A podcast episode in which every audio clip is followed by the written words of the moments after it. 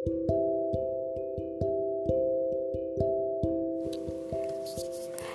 semuanya, kembali lagi nih di podcast episode 2 dari saya.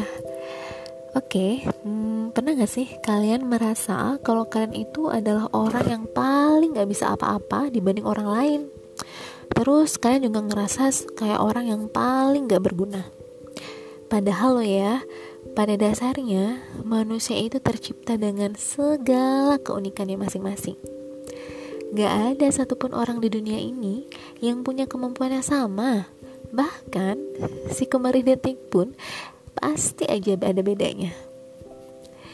Hmm, sebenarnya sih kalau kalian pernah menjudge diri kalian seperti itu, ya kemungkinan kalian belum kenal sama diri kalian sendiri. Well, coba sekarang kalian ambil selembar kertas dan pulpen. Terus, yuk mulai dah buat daftar kemampuan atau hal positif yang kalian miliki. Oke, udah ambil kertas dan pulpen? Nah, pasti sekarang bingung kan mau nulis apaan? Oke, saya pandu deh. Oke, yang pertama, coba kalian tulis hal-hal yang pernah kalian lakukan dengan orang terdekat kalian yang orang-orang tersebut tuh merasa terbantu dengan apa yang kalian lakukan itu masih bingung Oke, gini.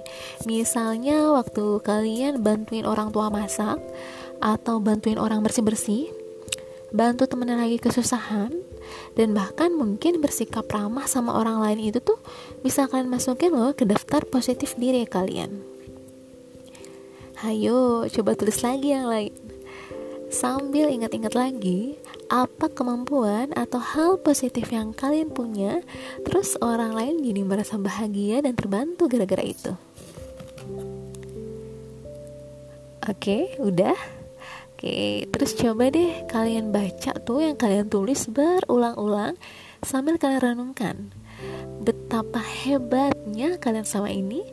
Hal yang kecil yang kalian lakukan ternyata bisa loh bantu orang lain dan bikin orang lain tuh happy yang belum tentu orang lain tuh bisa melakukan apa yang kalian kerjakan dan begitu juga dengan sebaliknya. So, yuk mulai kenali diri kalian sendiri dan stop judge yourself dengan hal-hal yang negatif. Salam sehat jiwa.